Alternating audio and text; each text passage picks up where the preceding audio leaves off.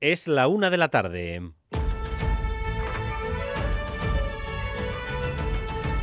Crónica de Euskadi con Dani Álvarez. A Rachaldeón, no hay prácticamente nadie en nuestro país que no tenga o haya tenido un caso cercano de cáncer. Una enfermedad que son muchas a la vez. Tiene tantas manifestaciones casi como pacientes afectados. Por eso la investigación es una tarea ingente que se desdobla una y otra vez para buscar el porqué del origen, cómo mejorar los tratamientos, por qué se dan fenómenos como la metástasis, en fin, que hoy EITB Marato ya conecta como pocas veces con el sentir del país. Hace 14 años me detectaron cáncer del colon, me operaron y al de año y medio tuve metástasis, otra vez otro palo, porque yo pensaba que estaba estupendamente. Yo puedo decir ahora mismo que estoy libre de enfermedad, que siempre da como un poco de miedo, como cada tres meses vamos sí, pasando la ITV. En mi caso es mi hija, vamos ya para cuatro años. La pediatra estuvo muy avispada y gracias a ella se cogió muy a tiempo. Pero cada revisión duele, duele mucho y mucho miedo. Maitane, Diana o Andoni. Esa sensación de que el cáncer es una causa que nos afecta a todos flota en el ambiente desde primera hora. Y también se transmite la impresión de que podemos conseguir quizás una cantidad histórica de dinero hoy con la que poder llegar lejos en la investigación. De momento implicación total por parte de los voluntarios dispuestos a cooperar y en el centro donde se reciben las llamadas está Xavier Madariaga. Arrachaldeón, Xavier. Sí, a Rachaldeón. Eh, no sé si lo escucháis.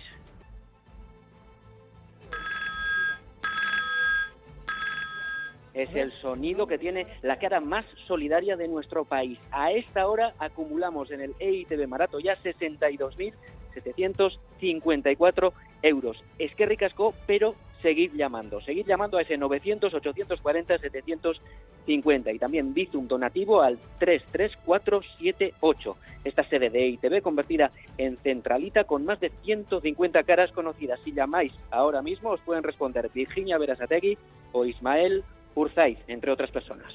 Precisamente esta mañana ha estado en Boulevard la consejera de Salud, Gochones Agardui, que aparte de hablar de ITV Maratoya, también se ha referido al proceso para reducir las listas de espera en Osakidecha.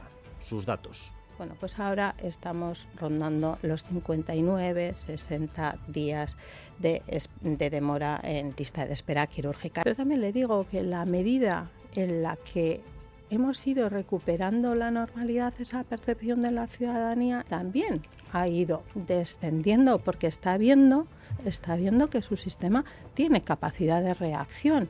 En la crónica política todo sigue pasando por la moción de censura en Pamplona. Desde Bruselas, el presidente del Gobierno de España se ha referido por vez primera a este movimiento político.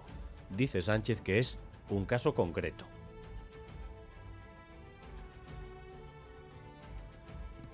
Lo que está haciendo el Partido Socialista de Navarra, y cuenta con mi apoyo, es sacar de la parálisis a un ayuntamiento tan importante para la comunidad foral de Navarra. Es un caso concreto, es un caso bien determinado de una parálisis, de un bloqueo. La moción de censura ha roto la relación política entre el PSN y UPN. Los regionalistas, de hecho, están llevando el tema al terreno personal, con insultos y personas que dejan incluso de saludarse. Ollane Arangoa. Ni se hablan, ni siquiera se saludan y el presidente de UPN, Javier Esparza, pasa directamente al insulto. La dirección de este Partido Socialista de Navarra, la dirección de este PSOE, ha demostrado con hechos que son escoria. Con nosotros no cuente. Aquí se queda, señora Chivita. Ha sido el punto álgido de tensión en el Pleno del Parlamento. Hoy, Pleno que han abandonado los 15 parlamentarios de UPN. Rotas las relaciones políticas con los socialistas, los regionalistas pasan a la política de trincheras, se echan a la calle con una concentración este mismo domingo al mediodía frente al Ayuntamiento de la capital navarra con el lema Pamplona no se vende. Además tenemos otro día con problemas de tráfico a estas horas, problemas que en algunos casos empiezan a solucionarse, pero que han sido graves, por ejemplo, en Oyarzun, Mayalen Calparsoro. Sí, ya está abierta la carretera en Oyarzun, ha permanecido cortada durante dos horas en sentido Irún tras el accidente de varios vehículos. Una mujer ha quedado atrapada y ha resultado herida. Se ha desviado el tráfico por la gasolinera y ha habido largas retenciones, pero el tráfico ya es mucho más fluido. Abierta, como decimos, la AP8 en Oyarzun. No, no ha sido ese el único punto complicado porque ha habido muchos accidentes la mayoría salidas de calzada en Zumaya, Deva, Ordicia, Galdaca o con un coche volcado, Zaldívar, también en Orozco, o el accidente múltiple en la A1 en Gamarra, que ha causado también bastantes problemas. Todo solucionado a esta hora Esperemos que siga así. El gobierno vasco tiene ya el primer mapa sobre la realidad más acuciante que tiene la población hoy en día, la vivienda. Según los criterios que establece la nueva ley de vivienda, más de la mitad de la gente vive en zonas tensionadas, es decir, no les da para pagarse una vivienda digna. Cuando la ley entre en vigor, ¿qué efectos vamos a notar? Irache Ruiz. Pues de momento el Gobierno vasco colaborará con los ayuntamientos, les orientará, pero advierte el viceconsejero de que estos deberán comprometerse a realizar un plan de vivienda a tres años vista, cambios ambiciosos en las ordenanzas de urbanismo y en la calificación de zonas para la construcción de nuevas viviendas protegidas. Señala que la oferta actual es ridícula, eso dice el viceconsejero Jauregui, del 12% y que debería duplicarse para abastecer la demanda. Asimismo, los gobiernos locales deberán abordar un tema espinoso. Tendrán que fijar posición política sobre qué hacer con los pisos vacíos, es decir, si no los tocan o si optan por presionar a los propietarios para que los cedan al ayuntamiento. Hay que prohibir los móviles en escuelas e institutos. El sentir mayoritario en las familias es que sí, pero las que compran los teléfonos a los chavales son sus padres y madres. Así que tenemos un debate en bucle. Hablan padres y madres y la viceconsejera de Educación, Begoña Pedrosa veo bien la prohibición. Es que la, verdad, están todo el día más pendientes del teléfono que otra cosa. Pues que no se debería permitir en el colegio nada, a lo que hay que estar. Es que estoy totalmente en contra de la prohibición. Pues que estoy de acuerdo con que lo prohíban. Entonces una cosa es, ¿qué hacemos en los centros educativos? Pero otra reflexión que tenemos que hacer como sociedad, como familias, ¿qué ocurre después de, de, de ese momento? ¿no?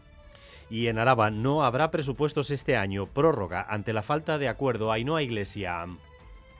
Esta mañana que no apoyará los presupuestos forales. Ayer lo hizo el Carrequín, las dos formaciones con las que negociaba el gobierno, por lo que sin apoyos se retira el proyecto de presupuestos y se prorrogarán los de este año. Para el diputado general no hay duda. Si no hay acuerdo, ha sido por la cercanía de las elecciones autonómicas y en el caso concreto del PP, a eso se suma la moción de censura en el Ayuntamiento de Iruña que no ha ayudado. Y la escritora guipuzcoana María Sunlanda ha sido galardonada con el premio Emacunde a la Igualdad 2023 por su aportación creativa a la causa de la igualdad y la dignidad de las niñas y las mujeres a través de su obra literaria.